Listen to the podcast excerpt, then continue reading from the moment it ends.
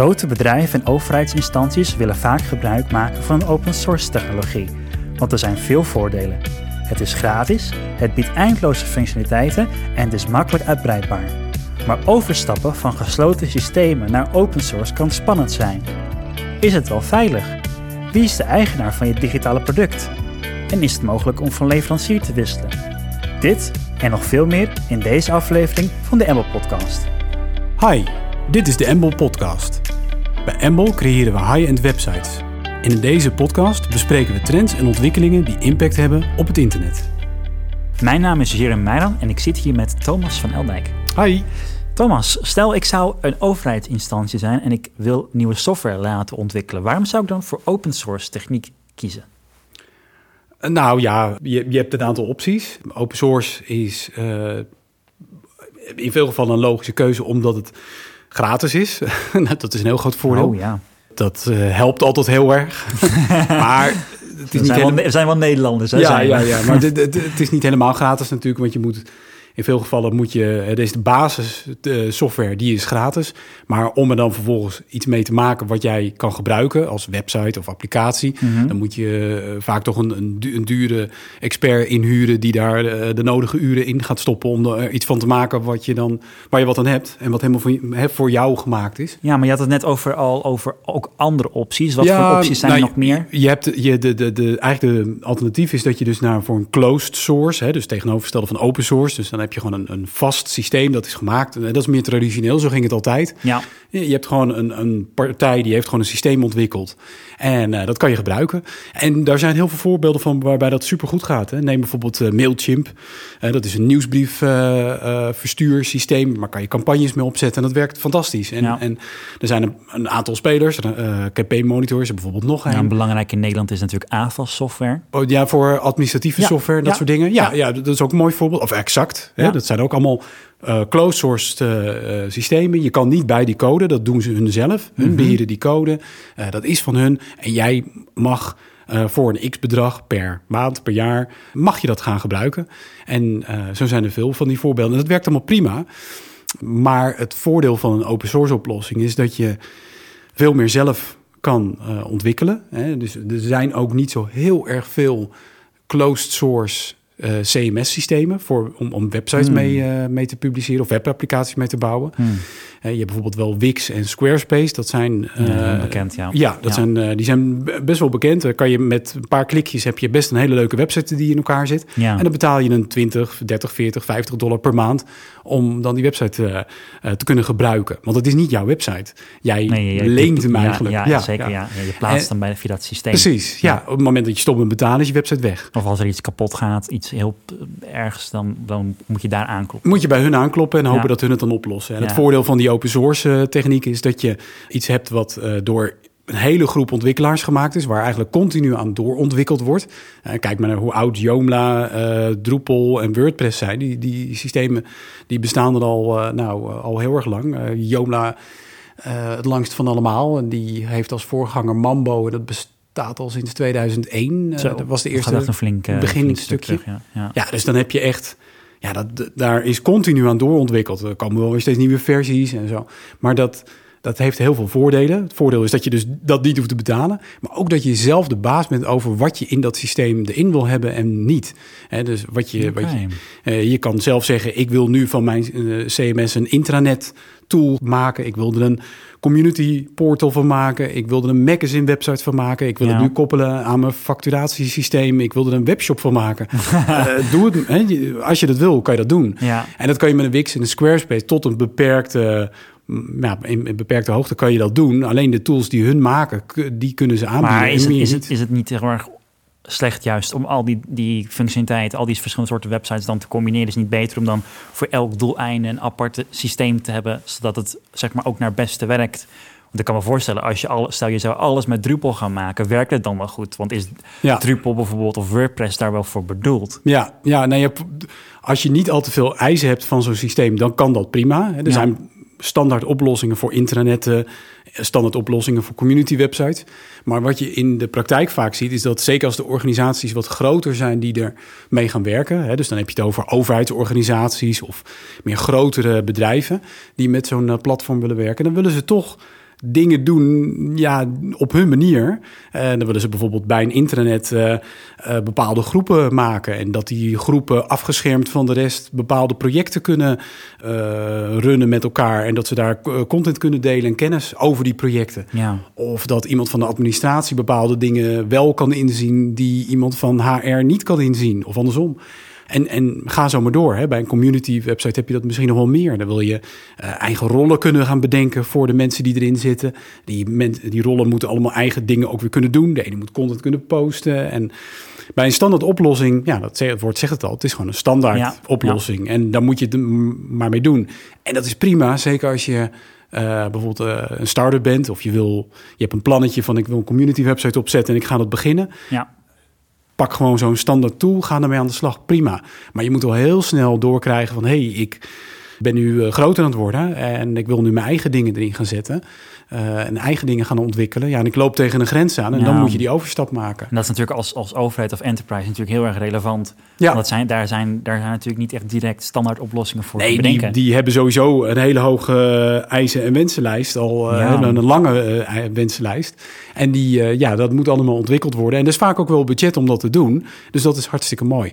Maar wat je wel ziet is dat er vaak heel veel drempels zijn binnen die organisaties. Omdat ze zo gewend zijn te werken met die closed source systemen, hè, ja. met, die, met, die, vaste systemen. Ja, want, het, want een, een, vraag die ik dan heb is, uh, want als het open source is, hoe zit het dan met de rechten? Van, ja. van, en, en de, de, eigendom van die techniek. Ja, dat is meteen al een struikelblok. Vaak, vaak wordt er uh, ge, geëist of gewenst van... nou, wij willen eigenaar worden van ja. alles wat er gemaakt wordt. En dat kan maar op een. Ja, dat is een beetje een grijs gebied. Want je hebt aan de ene kant te maken met het open source systeem wat je gaat gebruiken. Dat is een verzameling van allerlei code die ontwikkeld is door ontwikkelaars. Of en de hele code, wereld meestal ook. Wat zij, ja, ja, precies. Ja, ja, echt gewoon uh, in het geval van Drupal, daar heb je het echt over, over duizenden, tienduizenden ontwikkelaars die gewoon daaraan gewerkt hebben. Ja die, worden, die open source techniek die wordt uitgebracht ook onder een bepaalde licentie. Het is echt niet zo dat dat maar gewoon online wordt gezet en doe er maar wat mee. Ja. Die wordt echt uitgebracht onder een uh, GPL, een General uh, Public License. Dus dat betekent eigenlijk dat die, dat die software, uh, dat is ook heel mooi hoor. Want eigenlijk wat je doet is je, je brengt die techniek dan uit, die software. En je zegt iedereen mag dit gebruiken, gratis, voor altijd. en je mag ermee doen wat je wil. Je mag er ook aanpassingen op maken. Dus je mag gewoon zeggen, maak je eigen variant maar. Ja. En dat is allemaal helemaal prima. Het enige wat dan niet mag, is dat je bijvoorbeeld zo'n stukje techniek gaat gebruiken om weer te verhuren of te verkopen. Stel bijvoorbeeld dat ik uh, WordPress zou herschrijven. Ik zou gewoon een paar code, ja. een paar regeltjes veranderen en ik maakte gewoon mijn eigen systeem nee, je van. Thomas Press van. Ja, Thomas Press maak ik ervan. en vervolgens ga ik die verkopen voor, voor 20 euro per maand. Hè? Ja. wil je hem. Uh, uh, wil je er gebruik van kunnen maken. Nou, dan, dan krijg je als het goed is meteen de organisatie van WordPress, uh, die, die, die die rechten ja, die, die, beschermt. Die, ja. die, krijg je er achter je broek aan.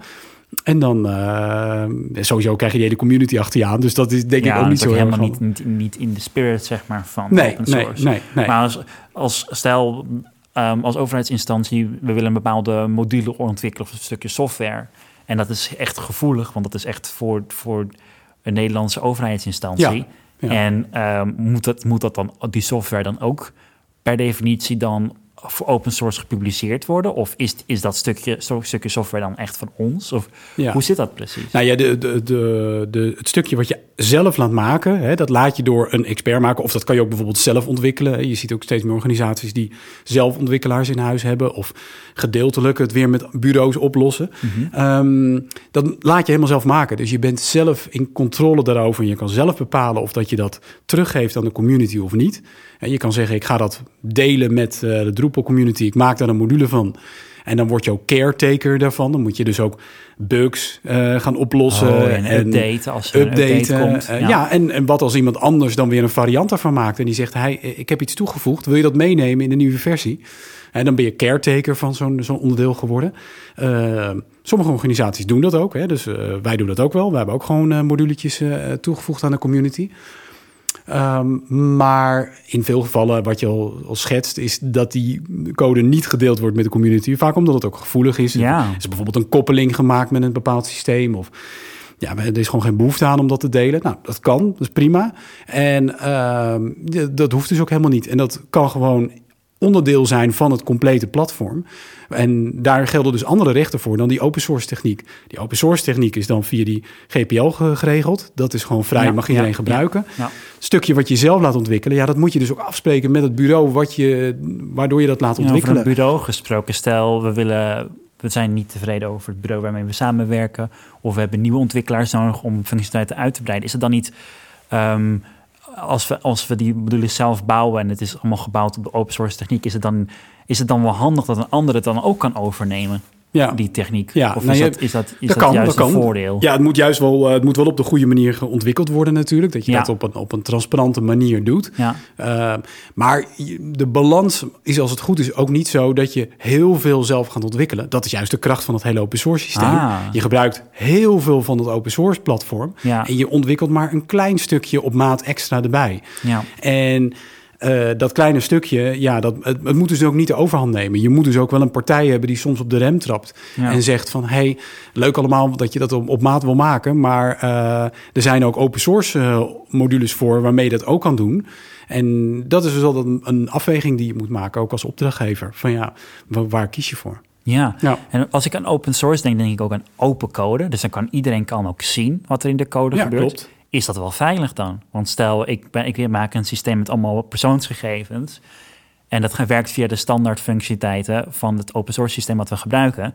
En een hacker die heeft daar al heel lang en uitgebreid naar zitten kijken. En die weet precies hoe die erin moet komen. Is dat niet een heel groot risico? Nou ja, als het goed is, eh, eh, zijn er geen manieren om erin te komen. Maar stel bijvoorbeeld inderdaad, die, hè, want dat is allemaal dichtgebouwd. Hè. Je hebt dus al- allerlei beveiligingsmaatregelen zitten in die software Maar ook. wie controleert dat dan? Nou, dat controleert de community zelf. Hè. Dus als er een Oh. lek eh, gevonden wordt, hè, er zijn heel veel mensen daarmee bezig en er wordt een lek gemeld en gevonden, nou, dan wordt zo'n lek ook heel snel gedicht door de community. Eigenlijk standaard bijvoorbeeld bij Drupal is eh, woensdagavond is een soort standaard Ja. release eh, avond voor dat soort updates. Die worden dus ook niet bekendgemaakt van, oh, we hebben dat en dat lek.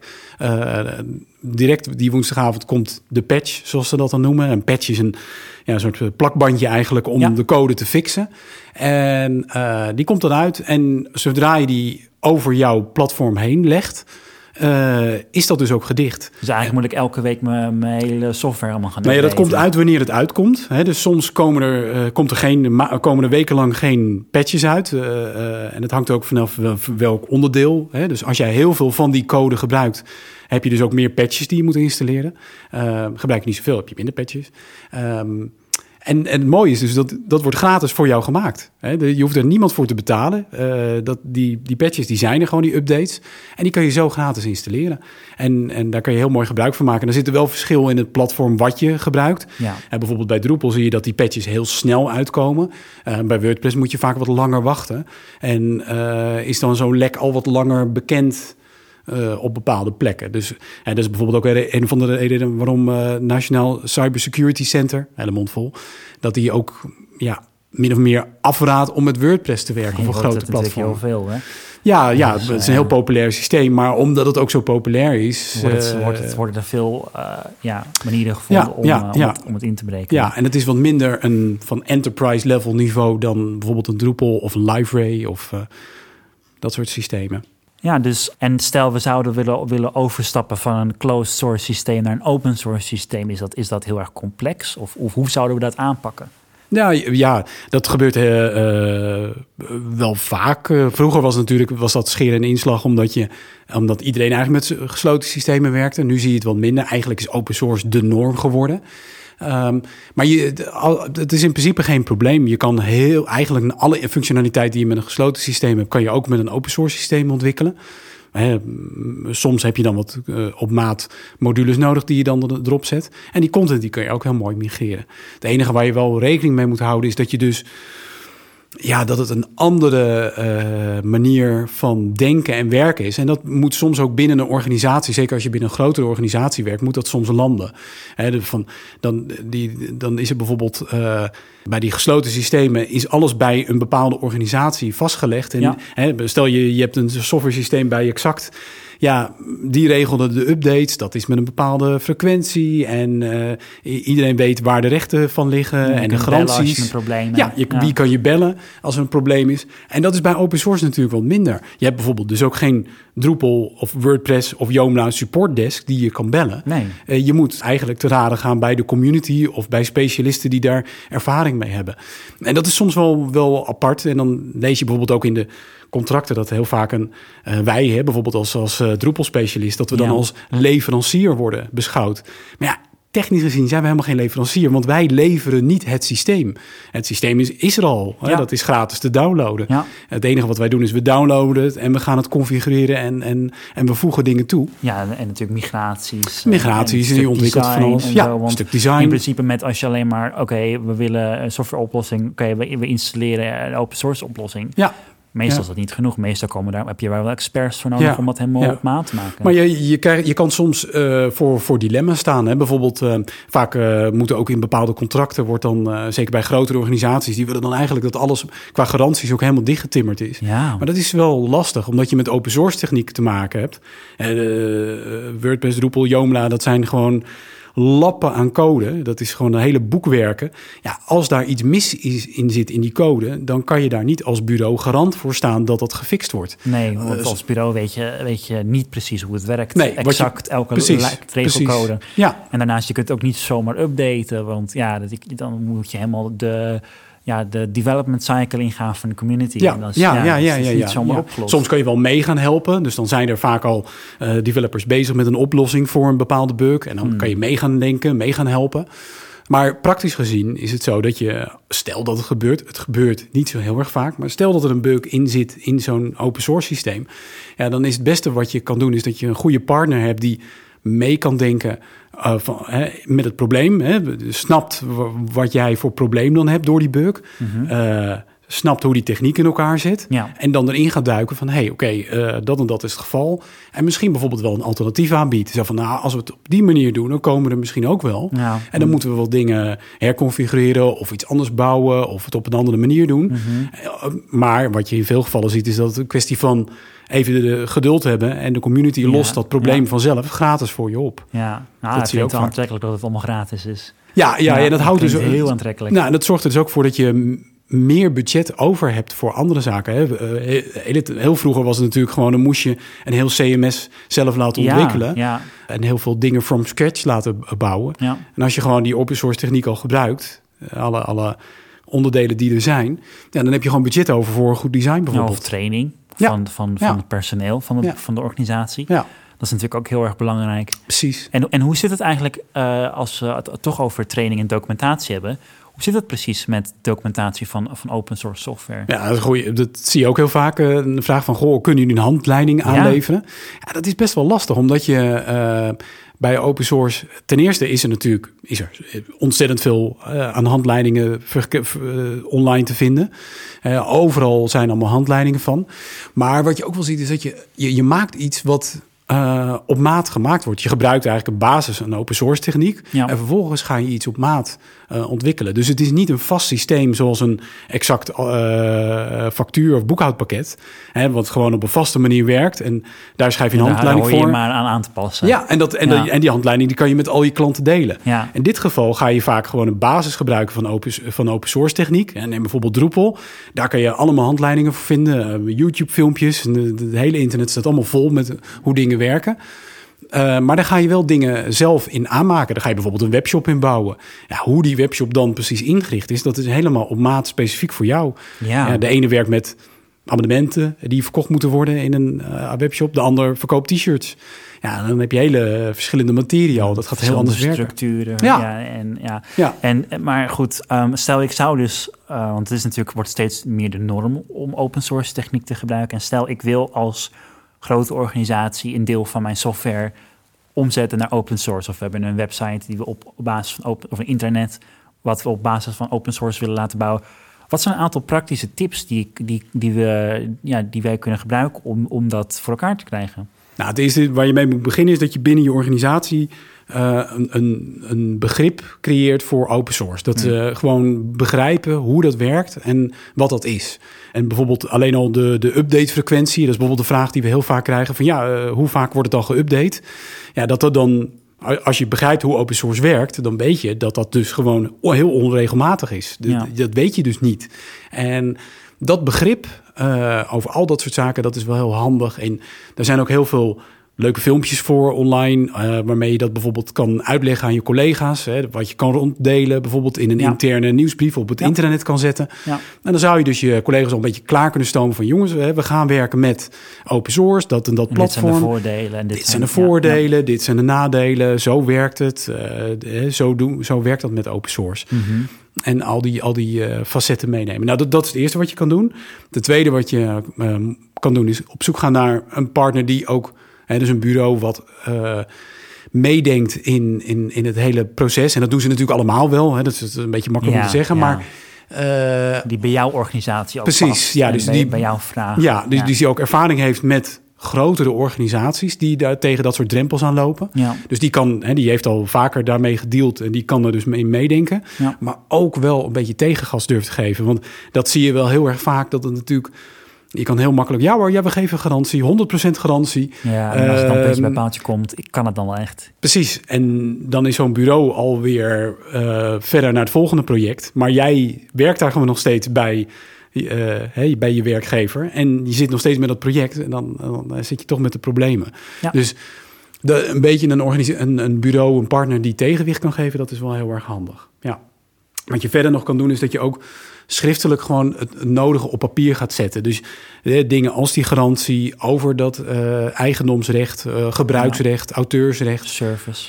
Ja, hoe zit het met service? Wat kan je verwachten van het bureau? Uh, wanneer gaan ze helpen? Wanneer niet? Hè, maak dat gewoon bespreekbaar en zet dat gewoon in een service level agreement. Vaak hebben bureaus al het een en ander op papier staan. Ja. Maar zorg dat je dat allemaal in kaart hebt, dat je dat bij elkaar hebt staan en dat je, uh, dat, je dat goed op papier hebt. Want als je daar, als dat eenmaal draait, het hele platform is live, oh, dat is allemaal heel erg leuk. En dan pas na een half jaar blijkt van, oh ja, maar we hebben helemaal geen goede exit-strategie. Stel, je wil switchen, waar je het net over had. Dat ja, je naar een ander, ander bureau reden om te bedenken, ja. om te wisselen van bureau. Hoe, hoe gaat dat? Hoe gaat zo'n zo'n exit? Want eh, aan de ene kant ben je dus mooi... Hè, je hebt een mooi open source platform systeem... wat je zo kan oppakken en zo naar een andere specialist kan, eh, kan geven. Die gaat er gewoon vrolijk mee verder. Dus dat is hartstikke mooi. Ja. Maar hoe gaat het in de praktijk? Hè, hoe... Hoe, hoe, want die software die staat ergens, die moet gemigreerd worden. Eh, Ja. Wie krijgt er toegang toe? Ja. Eh, moet dat bureau waarmee je dan samenwerkt dat al faciliteren? Moeten ze dat gratis doen? Dan ga je dat gewoon betaald doen. Eh, hoe doe je dat? Ja. Nou, dat soort dingen, dat, dat kan je allemaal op papier zetten. Dus. En verder, wat je, dat is nog een laatste tip. Ik zou security, hè, dat is wat je vaak ziet bij rondom open source. Daar had je net ook al die vraag, die, Ja. die veiligheidsvraag. open source is super veilig, zolang het allemaal op een goede manier gebruikt wordt. Hè? Dus bijvoorbeeld Hmm. eh, alles updaten waar we het net over hadden. Dus je moet Ja. heel erg up-to-date zijn. Maar ja, je kan heel erg up-to-date zijn en vervolgens allemaal users met zwakke wachtwoorden erin zetten en die een Ja, admin level two-factor authentication niet aanzetten. Ja, bijvoorbeeld, ja, Een export tool maken die veel te makkelijk dingen exporteert. Ja, dat En- zie je. Dat is, dat is de nummer één eh, fout die je heel vaak ziet. Is van, ja, we willen graag een export eh, hebben die alle users en alle persoonsgegevens exporteert naar een Excel-file. Ja, klinkt hartstikke aantrekkelijk. Ja, hartstikke super makkelijk. makkelijk. Ja. bewerken. Ja, maar waar blijft die file? En wat gebeurt daar dan mee? Iedereen doet heel krampachtig over persoonsgegevens, maar vervolgens wordt zo, zoiets gewoon heel makkelijk in een file gestopt, eh, waar niemand meer controle en zicht op heeft. Nee. En dan eindigt dat ergens op een USB-stickje. Zo en zo uh, gebeurt het allemaal Ja. buitenlekken. Dus, Ja, en dus de- het is belangrijk om dat heel serieus te Om dat nemen serieus te nemen en ook Ja. om daar een, een regelmaat in te, te krijgen. Want wat je ziet is dat die platformen die, die on- blijven in ontwikkeling. Dat is leuk ook van open source. Je, kan- er komen steeds Ja. updates, maar je kan ook zelf ook steeds updates maken. Eh, dus je, je, je, je platform wordt steeds, eh, krijgt steeds meer functionaliteit ook. En het kan best wel zijn dat je dan het ene jaar eh, heel goed bezig bent geweest en een security pad op, hebt gezet. En dan denk ik dat het allemaal goed is. Maar Ja. twee jaar later heb je allemaal nieuwe functies ingebouwd. Kunnen mensen veel meer dan dat ze voorheen konden. En dan kan het wel eens zijn dat de dingen niet helemaal goed zitten. Dus wat je, en dat zien we ook, veel van onze grotere klanten doen dat ook. Hè, heel mooi netjes gestructureerd. Die hebben dan gewoon een zogenaamde penetration test, pentest. Oh ja. Dus dan gaat er of een extern bureau of iemand van binnen de organisatie die verstand heeft van Die security. gaat dat eh, proberen te slopen. Eigenlijk wel, ja. Die Ja. gaat gewoon proberen te hacken. Die gaat gewoon proberen binnen te komen. Van, Ja. hey, hoe, en die noteert alle zwakke punten.